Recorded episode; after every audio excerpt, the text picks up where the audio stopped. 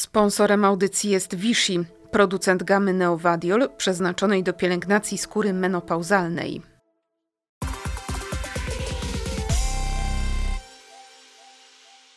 Kradł, bił, włamywał się. Krótko mówiąc, był bandytą, ale całkowicie zmienił swoje życie dzięki temu, że poznał księdza Jana Kaczkowskiego. Moim gościem jest Patryk Galewski. Cieszę się, że przyjechałeś. Pokonałeś tutaj z żoną sporo kilometrów z Helu przez Poznań do Warszawy, więc trochę tych kilometrów jest. Pewnie cię trochę zaskoczę, a może i nie, ale świadomie, chociaż musiałam się powstrzymywać, żeby nie iść na film Johnny, który teraz podbija polskie kina, z jednego prostego względu. Ponieważ chciałam rozmawiać nie z bohaterem filmu, już bym sobie w głowie układała tą twoją historię, mhm. a z Patrykiem, Patrykiem nie mając odno odnośnika do filmu, ale obiecuję, że po naszej rozmowie możemy się nawet spisać. Film na pewno, na pewno zobaczę. Ja powiem, że tutaj postawiłaś mnie w trochę takiej niezręcznej sytuacji. No ja będę musiał się hamować, żeby ci nie opowiadać pewnych elementów, jakie występują w filmie, więc nie wiem, czy w ogóle nam się uda porozmawiać. Czy uważasz, że człowiek może być tak zepsuty do szpiku kości? Czy uważam, że człowiek może być zepsuty do szpiku kości? Ja uważam, że nie. Ja też uważam, i tutaj będę się odnosił e, też w większości takich kwestiach e, bardzo mocno wartościowych i emocjonalnych do, do Jana, do tego w jaki sposób on też pomógł mi odkopać własne ja i to moją taką normalność. Jan często powtarzał: Dyziu, wyobraź sobie, przecież żaden człowiek nie rodzi się jako zły tylko rodzi się jako niewinne dziecko. Dopiero sytuacje, w jakich e, człowiek dorasta, atakują czy też e, dotykają go różne czynniki, jakie wpływają na to, jakich decyzji dokonuje, jakich wyborów dokonuje, i to tak naprawdę kształtuje go i opisuje jako, że jako jest odbierany jako zły człowiek, bo popełnia przestępstwa, robi złe rzeczy. Ale mi się zawsze wydawało, że jest taki pewien próg, który jak przekroczysz, to nie jesteś w stanie się podnieść zweryfikowałam to swoje myślenie, no bo e, siedzisz tutaj ze mną, jesteś przykładem, że no można się podnieść z wielu różnych e, sytuacji. Ja upadłem bardzo nisko, też w kwestii takiej egzystencjalnej, typu dbania o swoje zdrowie, co jest naj, najmniej tutaj szkodliwe w tej całej sytuacji, ale tak naprawdę upadłem mocno, jeżeli chodzi o taką zgodność własnego ja z własnym sumieniem własnej godności, gdzie ja tak naprawdę nie byłem w stanie doceniać własnej wartości, a nie byłem w stanie odbierać e, tego, jakim jestem człowiekiem, w jakim kierunku ja żyję, po co żyję i dlaczego żyję. Takich najbardziej prostych elementów. Znaczy najbardziej prostych, a tak naprawdę dla nas najbardziej e, chyba ważnych w życiu. Z czego to wynikało u ciebie? Raczej e, z czego to wynikało? Ja też w żadnym wypadku, e, i to powtarzam bardzo takim kontrastem, że ja mm, nie traktuję tego jako usprawiedliwienie, to, co za chwilę powiem, czyli że pochodzę z dysfunkcyjnej rodziny, gdzie ojciec był turboalkoholikiem, gdzie często nie było w domu co jeść.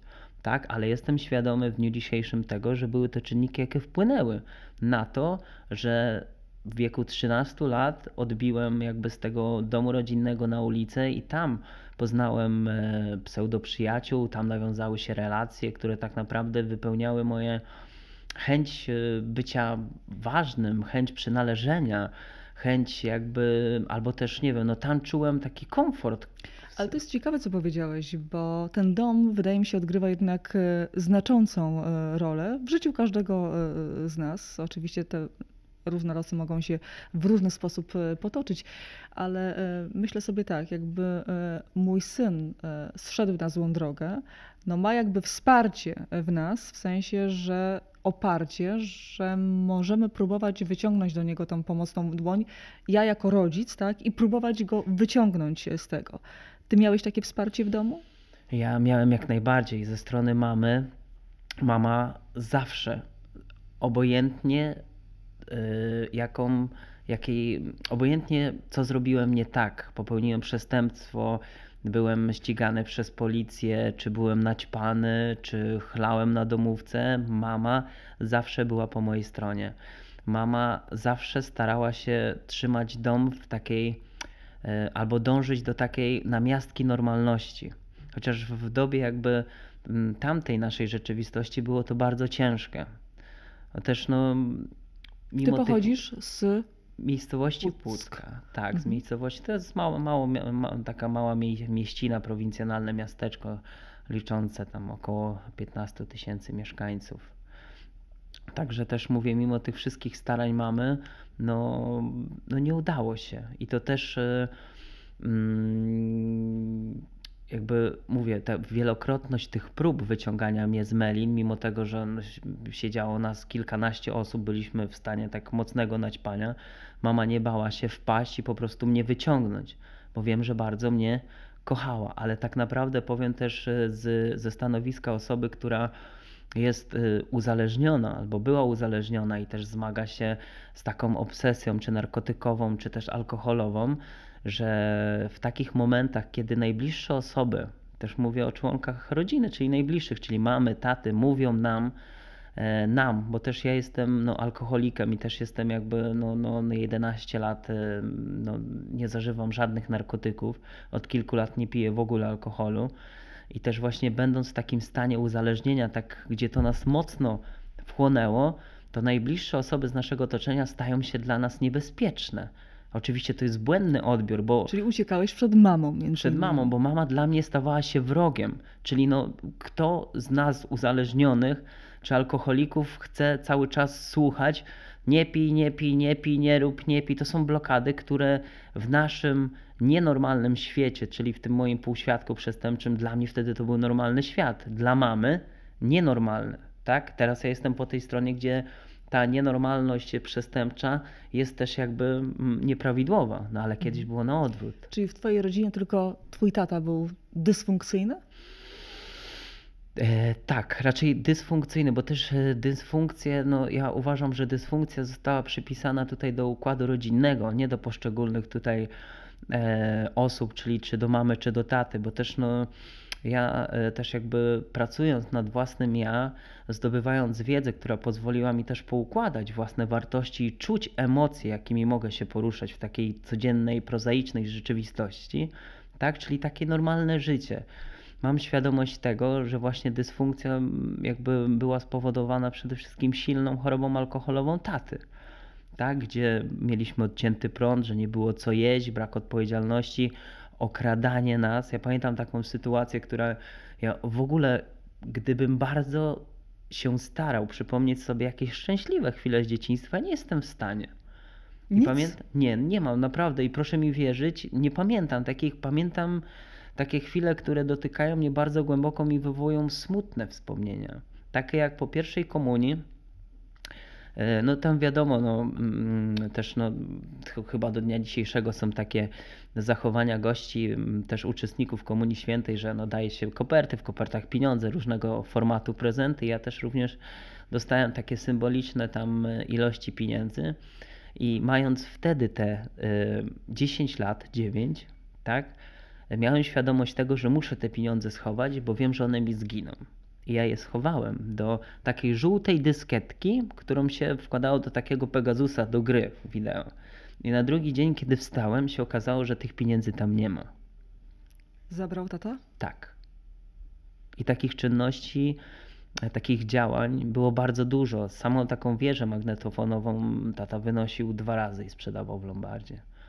Także e, no też mówię, taka cała struktura właśnie tej dysfunkcji, ona wiadomo, że tak współdzia, że e, współdziała, że no, ojciec alkoholik, tak, no to wiadomo, że to już zaburza taki prawidłowy rozwój, też emocjonalny dzieci, jakie się wychowują w tym domu.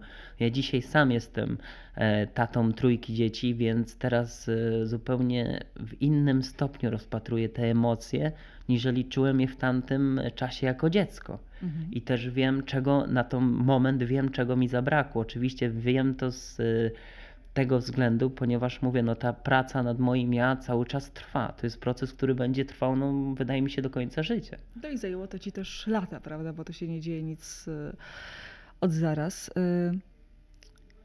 Ale skoro twój ojciec był alkoholikiem, skoro doświadczyłeś no, wielu różnych przykrych dla ciebie sytuacji, chociażby e, z tymi pieniędzmi z komunii, to co tak cię pchało w tą stronę, żeby być wtedy jak ojciec? Co mnie pchało? Bo to jest e, Znaczy, co mnie pchało? To w zasadzie nic mnie nie pchało. Ja myślałem, że tak wygląda moje życie, że, że, że tak wygląda Inaczej. przestrzeń moje, mojego życia. chciałeś być taki jak ojciec?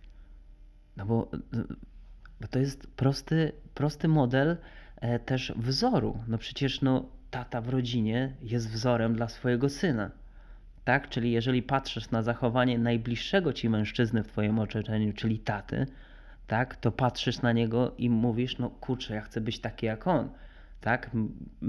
Mój tata siedział w zakładzie karnym należał do elity więziennej, grypsował. Tak, ja niejednokrotnie o niego słyszałem, gdzie byłem zawijany na dołek. Słuchaj, pamiętaj, jak cię złapią, nigdy nikogo nie sprzedaj, jak trafisz do więzienia, masz grypsować. No. Także mm, i to chyba jest odpowiedź na pani pytanie, no bo to chyba właśnie takie elementy pchały mnie w struktury tego, że chcę być taki jak, jak mój tata. Jak te pierwsze aresztowanie wyglądało, pamiętasz? Na pewno pamiętasz. Znaczy, pierwsze aresztowanie to ja byłem wtedy bardzo nieletni, miałem 13 lat i to tak naprawdę, e, no, raczej było to planowane przestępstwo, bo też e, mając 13 lat, no to był taki okres końca roku i też e, niedaleko mojego miejsca zamieszkania była taka stara Holenderka, w której przed końcem roku odbywała się sprzedaż fajerwerków. No, że no, młodzi chłopacy mają to do siebie, że lu- lubią takie ekstremalne wydarzenia wybuchowe, więc my też chcieliśmy się trochę pobawić fajerwerkami, no ale że z kasą było ciężko i też no, myliśmy szyby aut, tam zbieraliśmy złom, no różne takie, doświadczyliśmy różnych takich sytuacji, żeby zarobić w sposób taki, nazwę to jeszcze uczciwy. I postanowiliśmy, że no, włamiemy się do tej Holenderki przez dach, no bo każda Holenderka ma taki coś ala okno u góry. Mhm. My też chcieliśmy tamtędy spróbować wejść. I, no i że ja byłem, należałem do tych takich odważniejszych chłopaków, więc wszedłem na ten dach jako pierwszy, ale się okazało, że Holenderka była e, no, w stanie nie najlepszym, jeżeli chodzi o stan techniczny i ja wpadłem do środka. I stamtąd już nie wyszedłem i wyciągnęła mnie dopiero policja. I tak zaczęła się moja kariera w półświadku przestępczym. 13 lat. 13 lat. Szybko zacząłeś. Tak, i w wieku też 13 lat wciągnąłem pierwszą kreskę amfetaminy.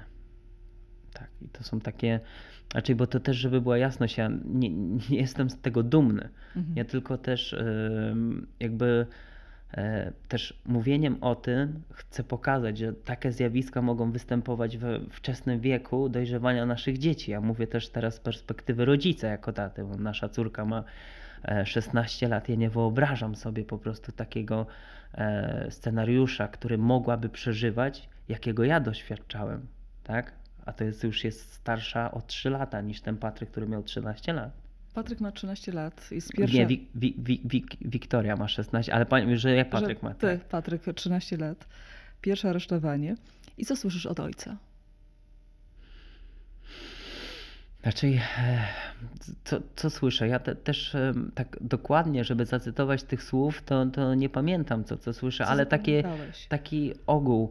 E, No, na pewno nie było tam w, w, wyników e, żadnych, ża, żadnych takich konstruktywnych, typu, że wyciągnij z tego wnioski, tak nie wolno. Nie? To bardziej było zostawione tak bez jakichkolwiek ingerencji, typu wyciągnięcia konsekwencji i zmiany zachowania. To po prostu się wydarzyło, o jesteś w domu, jest ok. Mhm. No i w zasadzie tyle. A mama? Czasami mama tak, ja wiem, że jak ma się chorobę alkoholową, to trudno dotrwa, e, dotrzeć do tej osoby, która się zmaga e, z alkoholizmem, bo wtedy nic nie działa i, i rzeczywiście czasami trzeba sięgnąć tego dna. Ale jak się ma 13 lat i się widzi mamę, która no, ma wiele różnych, po pierwsze zmartwień swoich, prawda, po drugie, tak jak powiedziałeś, no, kasa się nie dopinała w domu e, i do tego jeszcze ty dokładasz zmartwienia. Miałeś czasami takie jako dzieciak, jako chłopak, takie właśnie Znaczy, przebłyski albo takie myśli, bo- a dobra, nie będę dla Powiem, mamy. po, powiem inaczej. Ja też w pewnym momencie swojego dorastania e, chciałem przejąć mocno inicjatywę bycia odpowiedzialnym za dom. Czyli też w wieku y, no, 13-14 lat, kiedy brakowało opału, kiedy e, brakowało pieniędzy, kiedy brakowało jedzenia, ja też em, porywałem się do takich czynności okradania piwnic, zabierania stamtąd węgla, dokładania go do, do własnej piwnicy. Też zbierania takich e, warzyw, które zostawały gdzieś na Manhattanach, takich jakby działających jako no, Manhattany, gdzie są różne stragany warzywne, I, i, I też jakby po zamknięciu tych e, Manhattanów chodziłem i zbierałem te warzywa, które zostawały i też przynosiłem je do domu. Tak? Także takich elementów było dużo, w których ja starałem się jakoś wspomóc albo też tą inicjatywę przejąć. Mhm. Takie twoje najgorsze wspomnienie albo zdarzenie, które chciałbyś wymazać e, z pamięci?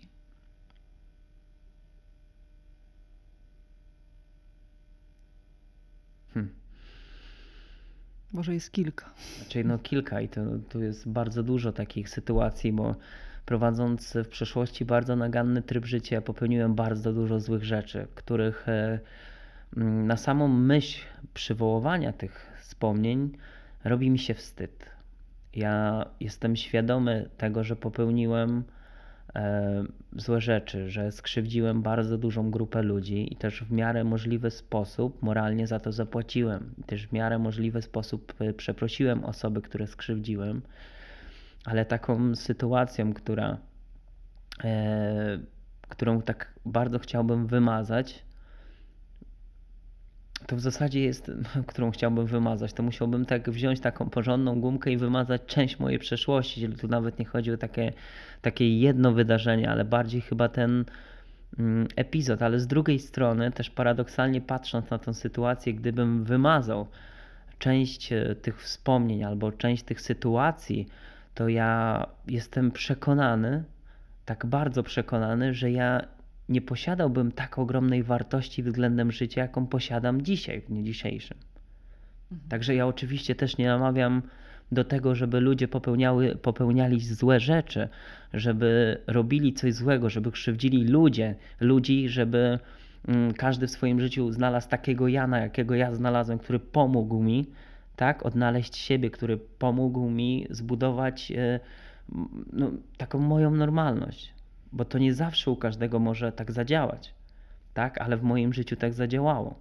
Ja też w pewnym momencie no, nie mam prawa mówić, że, że, że jestem dumny z tego, że tak zaczęło się moje życie, tak? Ale ja właśnie to, że coś takiego się wydarzyło w moim życiu, że doświadczyłem takich rzeczy, e, chcę przekształcić w zupełnie coś innego, w coś, co może, być może pomoże takim osobom które są w takiej sytuacji, w jakiej ja byłem w przeszłości. Elementem wybaczenia jest zadośćuczynienie, tak mogę powiedzieć? Tak. A wspomniałeś, że nie wiem, czy dobrze zrozumiałam, czy dotarłeś albo próbowałeś dotrzeć do tych osób, które skrzywdziłeś? Tak, to był też jedno, jedno ja też w pewnym momencie swojego życia, gdzie gdy trafiłem do Puckiego Hospicjum za karę, to oczywiście też nie było tak, że ja na początku tam chciałem przychodzić. To było bardziej coś w formie takiego, kurwa, znowu muszę tam iść do godziny, tak? I to było też dla mnie, to nie było mi na rękę, no bo tutaj ćpanie domówki to był klimat, który był mi bliski, ja chciałem w tym trwać. A co trafiłeś do, do, do hospicjum? Do hospicjum y, zostałem przy... skierowany po raz y, no już po raz któryś wyrok, bo było ich kilkanaście, czyli ten ostatni, za jazdę po pijanemu na rowerze, czy po, podczas jednej z takich mocno wypełnionych alkoholem i narkotykami domówki skończył się alkohol, więc ja wsiadłem na rower w wczesnej godzinie porannej i jechałem, żeby uzupełnić ten asortyment. No i przejeżdżając przez starówkę w Pucku zostałem zatrzymany przez patrol puckiej policji no i no ja też e, no do dnia dzisiejszego jestem, moją gębę większość funkcjonariuszy jest w stanie rozpoznać i w tamtym czasie również tak było. No i zatrzymali mnie, dmuchnąłem w miałem prawie 3 promile i dobrowolnie poddałem się karze. Dostałem ograniczenie wolności w postaci godzin na cele społeczne i sąd skierował mnie do Puckiego Hospicjum. Mhm. Za to właśnie przestępstwo. Ty się trzymałeś jeszcze na rowerze. Słucham? Że też trzymałeś się jeszcze na rowerze. No, starałem się tak? Także to i, to. i tu też taki paradoks, no bo jestem tak cholernie wdzięczny za to, że wtedy jechałem na tym rowerze. Także to jest taki paradoks niepoprawności ogólnie sytuacyjnej, no bo ja. No, to... Tych wyroków się trochę uzbierało, a poprzednie mniej więcej. Za co były? Kradzieże? Kradzieże, włamania, narkotyki czy na napaść na funkcjonariusza, bójki, czyli to taka klasyka. Spotkałeś się fizycznie z tymi osobami, które chciałeś przeprosić? E, na tyle, ile było to możliwe w swojej miejscowości, tak. Tak, na, na, na tyle, ile było to możliwe. I ja wrócę tylko, bo w hospicjum E, Oczywiście to nie była namowa ze strony Jana, tylko też wynikło to z pewnych doświadczeń, e, też jakich doświadczyłem w Puckim Hospicjum, czyli odchodzenia pacjentów e, i, i, i- między innymi właśnie takie sytuacje uświadamiały mi pewne rzeczy, tak jak też wiarę w Boga. I to jest I- też niesamowite, bo de facto to hospicjum no, kojarzy się z umieraniem, prawda? Odchodzeniem. To umieranie stało się początkiem twojego nowego, bym powiedziała nawet i drugiego życia. E, I ch- chcę o tym porozmawiać e, głębiej i za chwilę, ale wrócę jeszcze do tych osób, które Tak, bo ja te, też, bo to jest bardzo ważne, bo ja chciałeś przeprosić. Tak, bo y, w, jak w naszej relacji, mojej i Jana, doszło do takiego momentu, że ja chciałem się wyspowiadać. I to też mm, Jan zrobił w taki trochę niekonwencjonalny sposób, bo nie było to taki tradycyjny, nie było konfesjonału. Chociaż ja w second handzie kupiłem sobie marynarkę, którą też tu dzisiaj ubrałem na lewej rękawie, nie ma guzików, ale to taka moja symbolika, która jest dla mnie ważna. E, I weszliśmy z Janem do pokoju. Do- Dlaczego? Dlaczego nie ma guzików? No bo w second handzie już ich nie było. Okej. Tak, i dla mnie też e, właśnie w tej marynarce po raz pierwszy, i to był dla mnie szczególnie ważny moment, przystąpiłem do spowiedzi świętej u Jana. Weszliśmy do pokoju zwierzeń, tak się nazywał jeden z pokojów w Puckim Hospicjum, e, gdzie odbywały się bardzo ważne rozmowy. No i usiedliśmy jak przyjaciele na kanapie i, i zacząłem mówić. Też nie było wstępu tak tradycyjnego do spowiedzi, tylko zacząłem mówić, y, co zrobiłem złego. No i tych rzeczy było bardzo dużo. Zacząłem wymieniać te wszystkie, które pamiętam. No i też dostałem rozgrzeszenie od Jana, no i pokutę. No i to pokuta nie była w formie zdrowaś Mario, bo, bo to musiałoby wtedy chyba w dziesiątki tysięcy iść zdrowaś Mario, czy różnego formatu modlitwy, tylko Jan sobie to świetnie wymyślił. Dał mi pokutę w trzech punktach. Właśnie jeden z punktów pierwszym było to, że muszę zadość uczynić osobom, które skrzywdziłem, tak? W miarę oczywiście możliwości też. E, Z tego ostatniego włamania, kradzieży z miałem okazję przeprosić osoby no, jakby na samej sali rozpraw, tak? A część po prostu funkcjonariuszy policji, którego e, też e, no, uderzyłem na schodach, to też go przeprosiłem po prostu i to była taka sytuacja, że spotkałem go w sklepie, więc to też była, że po prostu przepraszam za tą sytuację, czyli prosty gest rozmowy, komunikacji, ale dość bardzo ważny. A jak reagowali? Jak na przykład funkcjonariusz zareagował, jak zareagowała, zareagowali ludzie na sali rozpraw? Raczej e, nie było to zbyt optymistyczne. Mam, ludzie nie do końca wierzyli, że ja mówię szczerze. Mhm. No i mieli do tego zupełne prawo. No, także to ja też nie wymagam tego, bo to, że żeby w takim stopniu e, wypełnionym, wypełnionym, nie wiem, taką radosną chwilą, no bo ja przecież zraniłem te osoby, skrzywdziłem, więc tutaj reakcja była jak najbardziej zasadna ze strony tych osób. Wrócę jeszcze do Twojej spowiedzi, bo jest pierwszy punkt, żeby przeprosić te osoby, żebyś jakoś im zadość uczynić, a te dwa pozostałe? A to wybaczy pani, ale ja zostawię dla siebie. Ale powiem tylko tyle, że Jan sobie to bardzo świetnie wymyślił, ponieważ drugi też e, odhaczyłem, a trzeci nie wiem, czy mi życia wystarczy. Mhm. Więc... Czyli jeszcze masz plan. Znaczy ja nie, Jan miał plan, Wobec Jan siebie. go realizuje, e, a ja po prostu jestem częścią tego planu, więc Okej. tak. Ale mogę powiedzieć tyle z głową uniesioną e, ku górze, że wykonuję to sumiennie zadanie. Gdybyś e, miał taką możliwość, a może miałeś taką możliwość, kogo byś zaprosił na film Johnny? Kogo chętnie byś zobaczył, nie mówisz nawet na premierze, ale w kinie? Kogo bym zobaczył w kinie? Ja miałem takie, mm, no nie chcę tego nazywać marzeniem, ja bardziej należę do grupy osób żyjących tak przyziemnie, bo w moim wydaniu mojej osoby tak naprawdę marzenia to są cele i takie jestem też, uważam, takim człowiekiem zadaniowcem, czyli ja sobie wyznaczam zadania i skrupulatnie je realizuję, ale też w, w mojej najbliższej rodzinie dzieje się przeogromna, smutna tragedia, której ja jestem częścią e, i tak bardzo bym chciał, żeby w życiu tej osoby e, też zadziała się taka wyjątkowa sytuacja, czyli znalazł się taki Jan, mimo tego, że ja mam narzędzia, żeby taką osobą być, ale e, nie jestem w stanie tego zrobić, mimo różnych prób, mimo różnych rozmów, mimo różnych działań, wszystko okazuje się bez rezultatów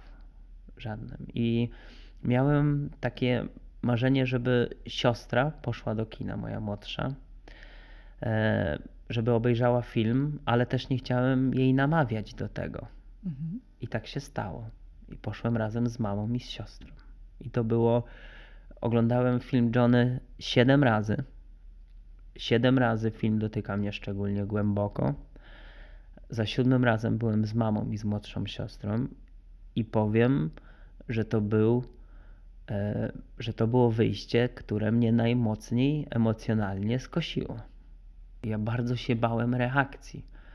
Tak, ja bardzo się bałem reakcji mamy, która zobaczy swój obraz osoby, tak, y, jak zobaczy siebie, bo minęło bardzo dużo lat, tak, ale gdzieś y, te emocje, przeżycia tych wszystkich sytuacji, przecież w każdym z nas, mówię tutaj o naszej rodzinie, one są głęboko i każdy y, w różny sposób sobie z nimi radzi i w różny sposób te emocje interpretuje, tak, i ja też nie mam prawa mówić, że odbiór e, tych emocji przez e, moich najbliższych jest błędny, no bo nie taka moja rola. Tak? Ja czuję tą sytuację w taki sposób. Moja siostra młodsza czuje, że, że no, też z racji chyba problemu, jakiego doświadcza, nie jest w stanie mm, tak świadomie też się odnieść jeszcze do tego, co się wydarzyło. Ale wiem, że sytuacja, w jakiej się znajduje, jest, jest to wynik tego, tej dysfunkcji, w której ona też miała. I teraz nie wiem, które określenie bardziej tu pasuje, przyjemność czy nieprzyjemność dorastać. Mhm. No, więc to jest smutne. Więc emocji było bardzo dużo i Problem były z- bardziej te emocje lęku, strachu, braku akceptacji tego, co, zobaczą na ekranie.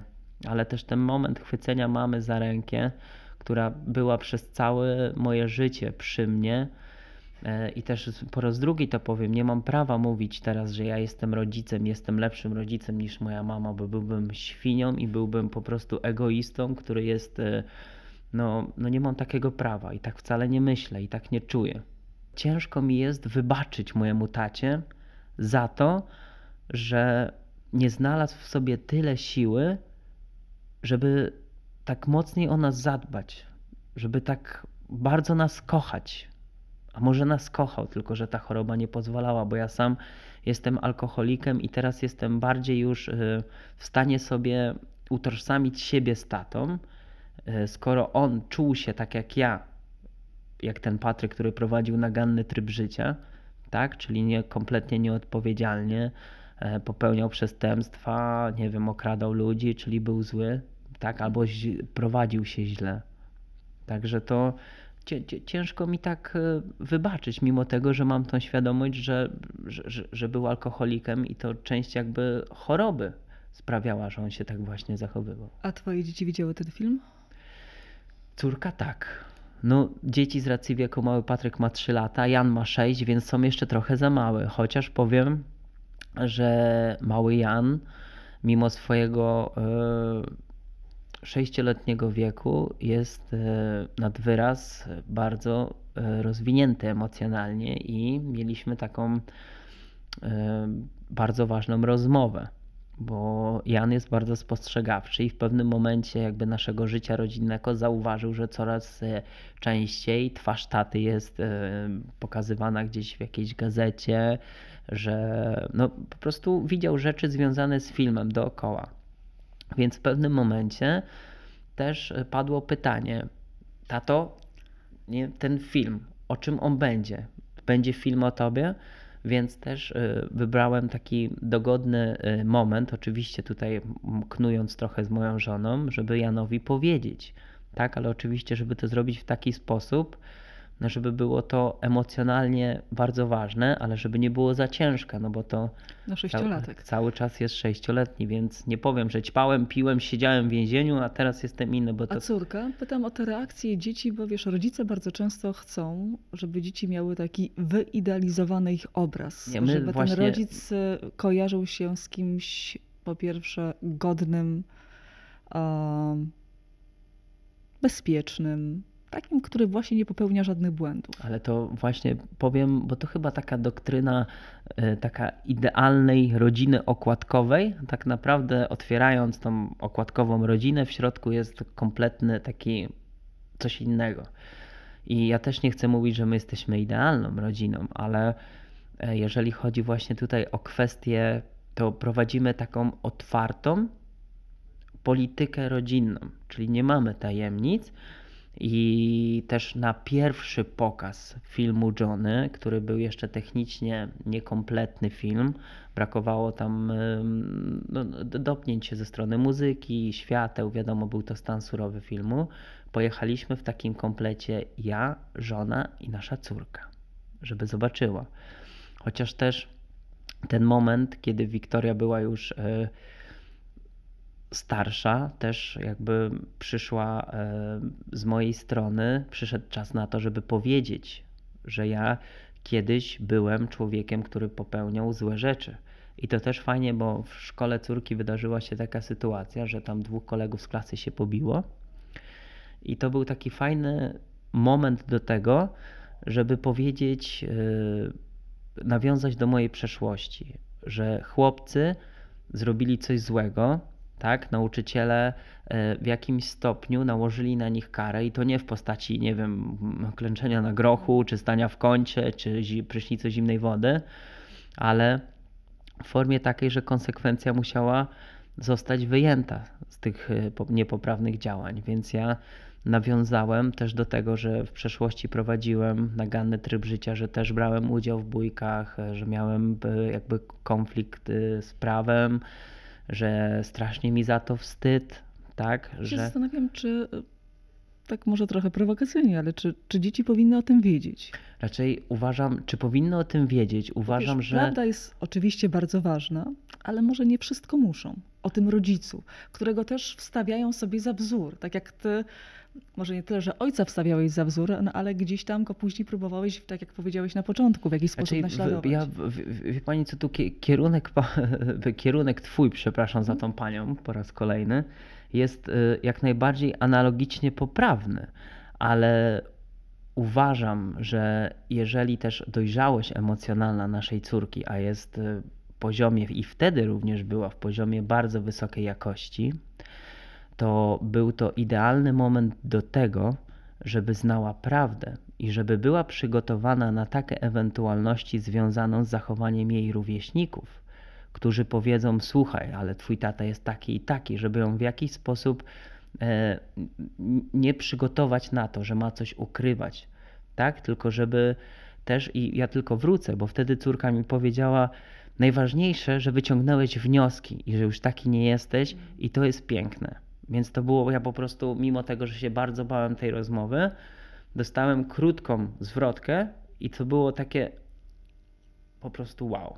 Mhm. Tak, więc uważam. A nie bała że... się ona, co właśnie ci rówieśnicy mogą powiedzieć? Bo to czasami wiesz, dzieci się wstydzą. Tak, dlatego mówię, ale bo to właśnie też chodzi o to, że wiadomo, że te relacje rówieśników są zupełnie inne. Tam nie ma najczęściej głębszych takich emocji, które łączą tą relację. W domu rodzinnym jest zupełnie inaczej, raczej przynajmniej my tak czujemy własną rodzinę, która jest połączona tymi emocjami, tą wartością i tym, że jesteśmy dla siebie. W domu mówimy o wszystkim. Tak, wiadomo, zostawiamy sobie taką strefę prywatności, bo ona jest ważna dla każdego z nas. Nie możemy z butami wchodzić i o wszystko pytać, słuchaj, pokaż mi to, to, to, mów z kim to, to, to, no bo też nie o to w tym chodzi, bo to już zostawiamy sobie pod nagłówkiem, słuchaj, ja tobie ufam ja Tobie wierzę, tak? Bo Cię kocham, masz prawo do tego, żeby mieć swoją tajemnicę, tak? Ale w tej tajemnicy ja ją odbieram w takim zdrowym dla nas układzie, e, no, nawet tutaj powiem w takiej kapitule moralności, czyli że robisz dobrze, tak? Mhm. Oczywiście, no też, więc uważam, że dzieci powinny wiedzieć. Ty jako rodzic teraz nie boisz się, że twoje dziecko może pójść w Twoje ślady z przeszłości? Znaczy, oczywiście, że się boję. No, chyba głupcem byłbym, gdybym powiedział, że się nie boję.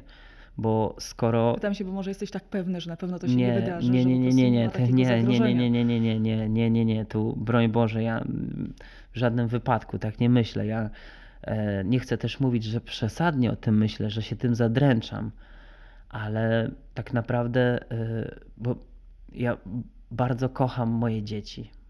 Bardzo kocham. I powiem tak, że ja czuję tą taką zwrotną miłość z ich strony. W postaci takich najprostszych, prozaicznych zachowań, gdzie leżymy wieczorem rano, przytulamy się, czytamy bajkę albo słuchamy audiobooka, mały Patryk śpi, Jan przysypia, ja mu mówię, Jan, kocham cię, a on taki półświącym głosem mówi, ja ciebie też, tato. I to, że ja mogę być przy nim, że on chce, żebym ja był, że on się czuje przy mnie bezpiecznie, a ja czuję się bardzo ważny, ponieważ on się przy mnie bezpiecznym czuje. Czyli to jest takie, ta relacja i to jest piękne. I ja czuję taki lęk przy tym i on bierze się stąd, że ja doświadczyłem sytuacji, gdzie mi brakowało takiego poczucia bezpieczeństwa. Jan, imię twojego syna, to nie jest przypadek. Przypadek zupełnie nie. Jan na imię ma Jan no, ze względu Jana Johnego, czyli księdza Kaczkowskiego, bo to e, człowiek, który no, dzięki niemu jestem w tak pięknym momencie swojego życia, no, czyli w takiej, nie mam tu wcale i przyszło mi do głowy, z tyłu głowy gdzieś od razu to określenie, które tak mówiłem tobie przed rozpoczęciem rozmowy, celebryta, które mnie tak strasznie wkurza, ja nie lubię tak tego określenia, bo to zupełnie nie jest wymiar mojej rzeczywistości, e, tylko o, o, o poczucie takiej, takiego spokoju, tak, że jestem, e, że spełniam się jako, e, jako normalny człowiek. Czym Jan cię przekonał do siebie?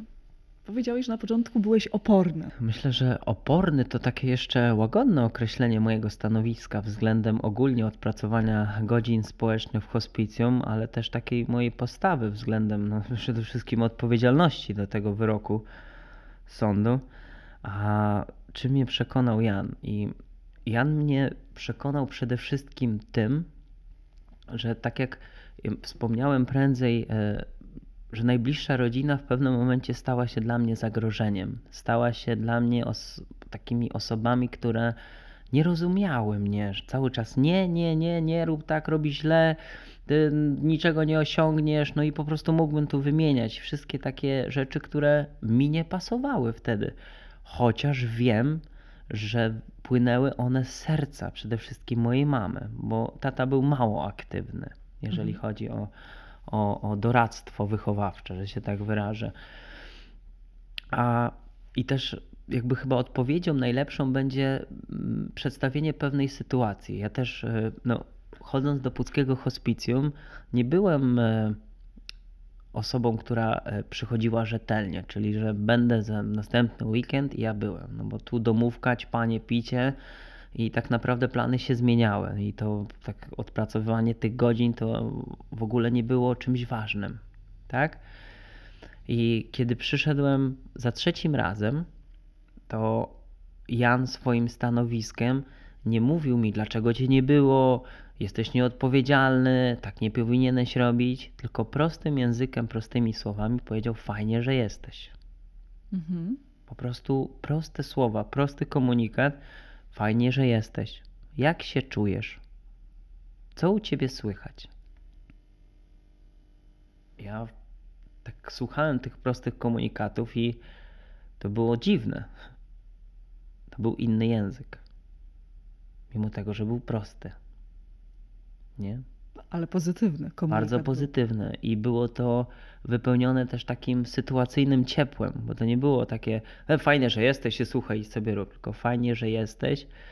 Był ten czas dla mnie. On potem był dla ciebie bardziej, to była taka relacja ojciec-syn. Znaczy, to Traktowałeś go była, jako mentora, czy jako kumpla. myślę, że tu każdy wymiar e, tutaj jakby wymienionych tych e, takich form relacji mógłby się tutaj dobrze odnaleźć.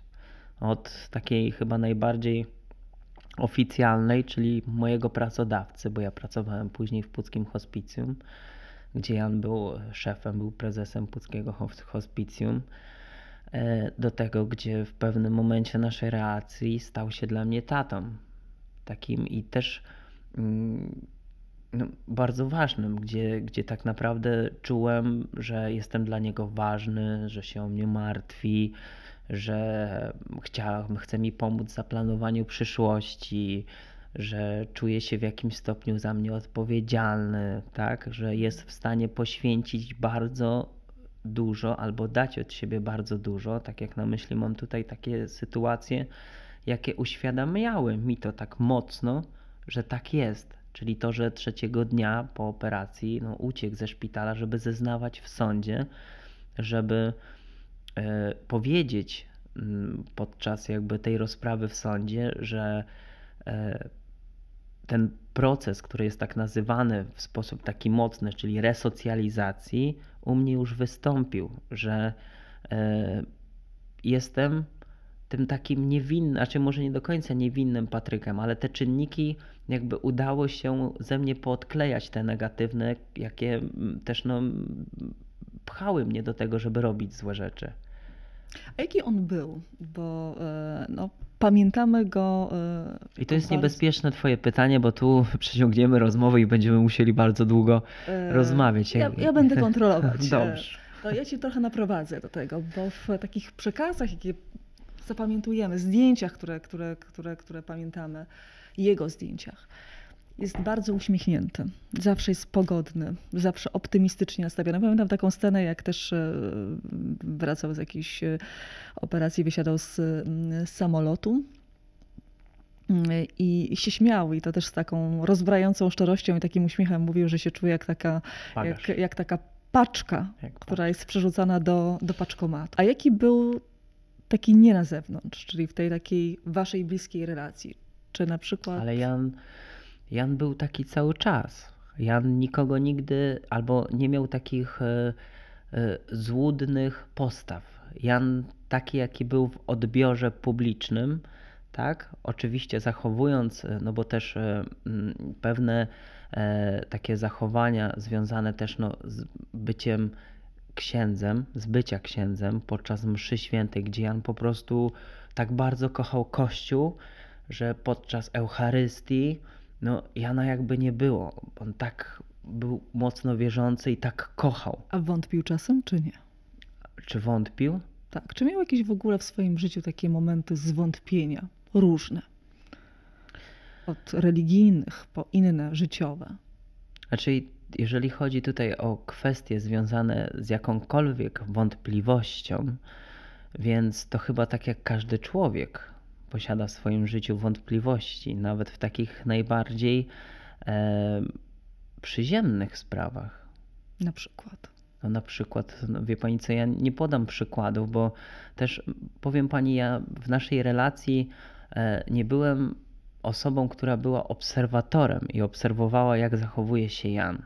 Tak? Dla mnie też, e, wie pani co, pytanie związane, czy miał wątpliwości, no, pewnie miał. No ja nie dostrzegałem, a już nie tym bardziej na tle religijnym, tak? No bo tu, wie pani, samą prezentacją postawy Jana względem ludzi, których kochał, bez względu na to, jakimi są ludźmi, czy jest rudym ćpunem, czy jest rudym przestępcą, czy jest profesorem, czy jest lekarzem, Jan traktował ich z równością.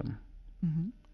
Tak? Nie pytam się nawet pod względem religijnym i niech przywiązuje się do słowa wątpliwości, tylko pytam o ten taki, że zawsze, i oczywiście tak go zapamiętamy, zapamiętaliśmy jako pogodnego i, i z takim uśmiechem i bardzo wierzącego e, kapłana, ale czasami w tych takich relacjach bliższych e, no człowiek ma różne swoje momenty, co też jest normalne i, i dążę do tego, czy widziałeś go w takich sytuacjach,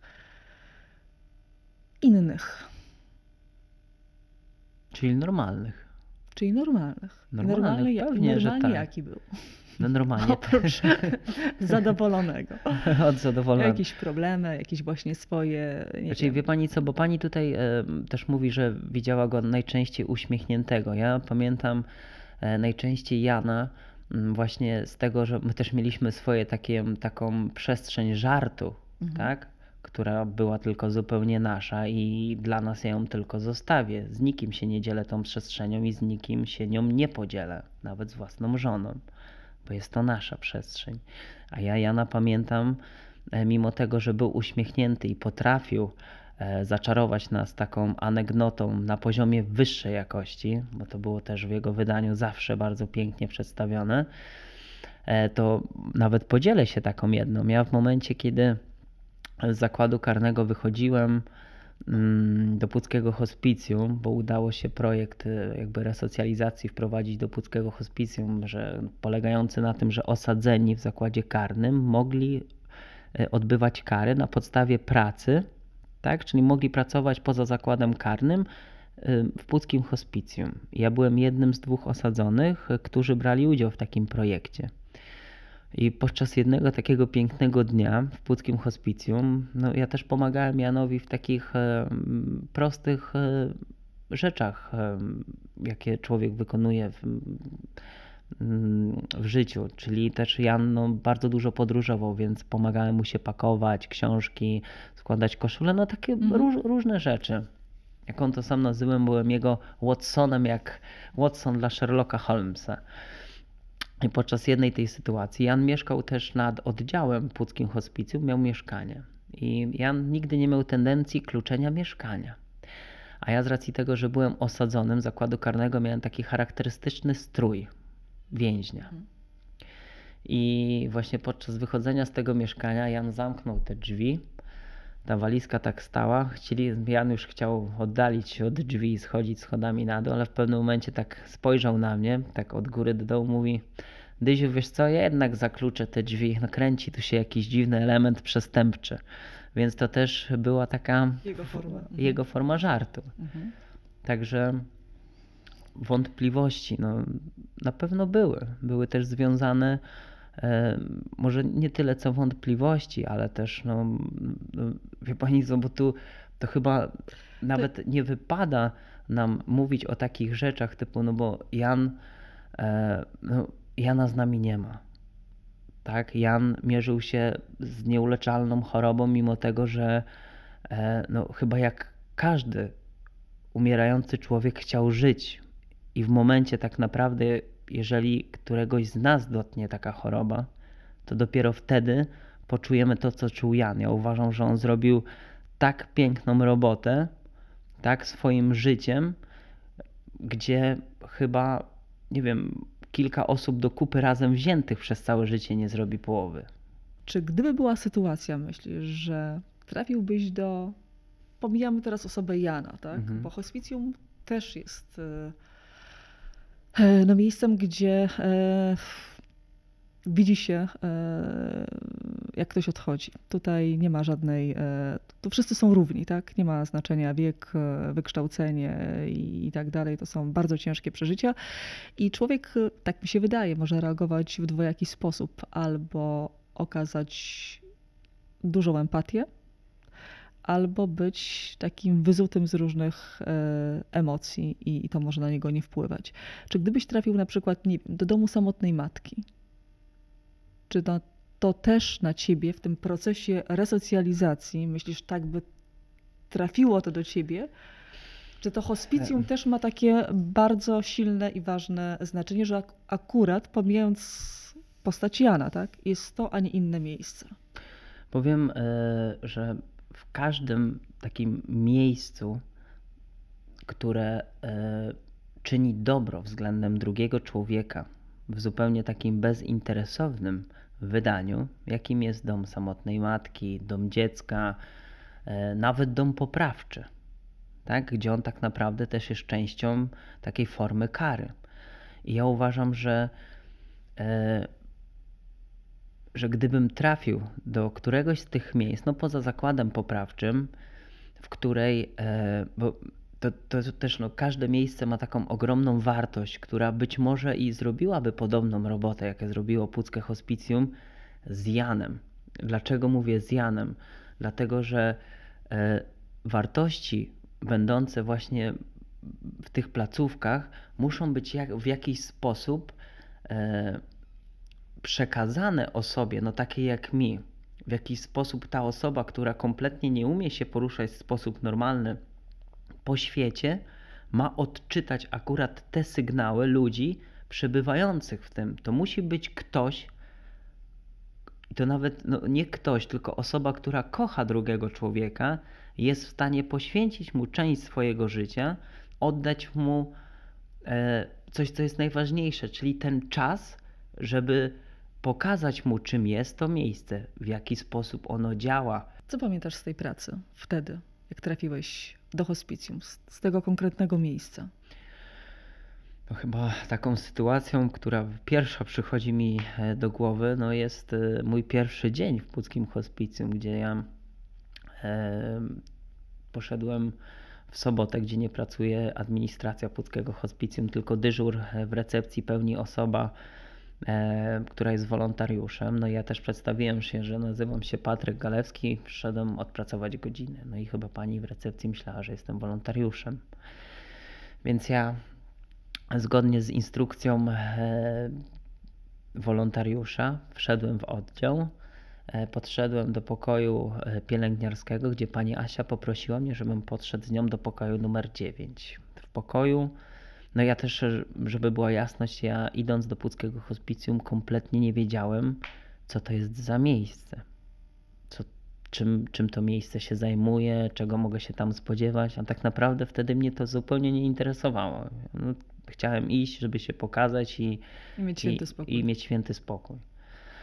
No ale kiedy pani Asia poprosiła mnie, żebym podszedł do pokoju numer 9 i ja wchodząc do pokoju zobaczyłem trzech starszych mężczyzn leżących tak naprawdę bez y, jakiegokolwiek ruchu, podłączonych do różnego rodzaju urządzeń. Zobaczyłem e, no, urządzenia no, z rurkami, ten taki ciężki oddech tych ludzi, ten taki no, też zapach takiego no, miejsca, które było mi obce zupełnie to nagle we mnie zaczęło się, stworzył się taki chaos, gdzieś niezgodność, co ja tu robię, dlaczego, chęć ucieczki, czyli taka, taka forma jakby odbioru tego miejsca. No ale kiedy pani Asia poprosiła mnie o pomoc e, w czynności jakby e, no, umycia pacjenta, tak, przemycia go e, w łóżku, troszeczkę omycia, no to wtedy to już w ogóle był hardcore. No to już było ciśnienie takie, że to już no, było,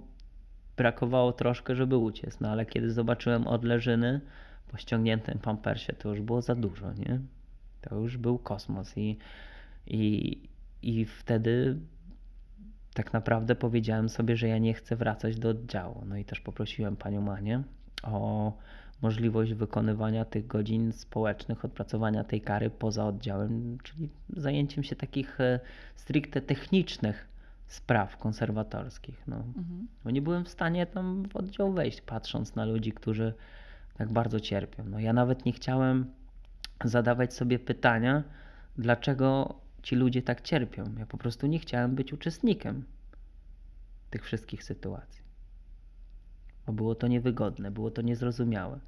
Dopiero e, przełamywanie takiego, tej granicy takimi drobnymi gestami ze strony też jak ja tam grabiłem, kosiłem, podchodził Jan, rozmawialiśmy, były to krótkie rozmowy, ale wnoszące mm, też jakby takiej dużo dużo takiej ciekawości z mojej strony, którą ja chciałem poznawać, przestrzeń, która była nieznana, ale Jan robił to w sposób taki prosty e, i bardziej taki koleżeński, ale wiem, że on nie pochwalał tego w żadnym wypadku, jakim, mm, jakim, jakie rzeczy robiłem, tak? tylko wiedział, że na przykład e, forma takiej różniejszej relacji, różniejszych pytań, albo też czasami takiego gestu, czy będę dużo jarał jeszcze tej trawy, tak, albo ile jaram tej trawy, pomoże mu w jakiś sposób nawiązać ze mną kontakt i pytać w późniejszym czasie o rzeczy ważniejsze, nie? Także to był taki sposób. No Jan miał niesamowitą łatwość nawiązywania kontaktu. Mhm. Nie boisz się, że to, co zadziało się po tym filmie, jesteś osobą rozpoznawalną, o czym też e, wspomniałeś e, i też sam mówisz, że nie lubisz tego słowa celebryta, że to może znowu wywrócić twoje życie do góry nogami. Krótko mówiąc, czy może ci odbić woda sodowa? Ja mam nadzieję, że tak się stanie. I to się już dzieje. Ja mam nadzieję, że ten stan nie przestanie trwać, bo ja mam przeogromną ochotę wrócić do więzienia. Mhm. I tak, no na pewno nie jako więzień. Nie jako więzień. chcę wrócić do więzienia jako e, osoba e, i też nie chcę, żeby to było źle odbierane, która wie od tych osób, które są obecnie w zakładzie karnym, które przebywają w różnych ośrodkach, która jest lepsza. Wręcz przeciwnie, osoba, która doświadczyła podobnego, podobnych sytuacji w życiu, a jest w dniu dzisiejszym w stanie w sposób naturalny i prawdziwy móc kochać, móc ufać, móc być tatą, móc być szefem kuchni, czyli być człowiekiem normalnym. I ja tą normalnością chcę się dzielić z osobami, które są w podobnej sytuacji, w jakiej byłem kiedyś ja. E, bo ja strasznie lubię gotować. Gotowanie to jest moja poboczna miłość w życiu e, i żona się z tym pogodziła. I też traktuję to jako jestem rzemieślnikiem i artystą. Ja kocham odkrywanie nowych smaków, kocham też pięknie zaserwowane jedzenie, więc restauracja nie, ale stworzenia miejsca, w którym będę prowadził warsztaty dla osób, wychodzącym na przepustki, być może skierowanym przez sąd na odpracowanie godzin społecznych, gdzie warsztaty będą no, gotowania, gdzie być może będą się w późniejszym czasie odbywały ko- kolacje degustacyjne na poziomie nie gorszym niż lepsze restauracje w całej Polsce, żeby była ta wartość, żeby była ta jakość, ale żeby podczas też tego gotowania, tej miłości było też to świadectwo tego, czego ja doświadczyłem i na bazie czego stworzyłem wartość swojego życia. To oby woda sodowa w takim wymiarze uderzała ci jeszcze przez długie, długie lata. Patryk, dziękuję bardzo za rozmowę. To ja dziękuję za zaproszenie. Dzięki.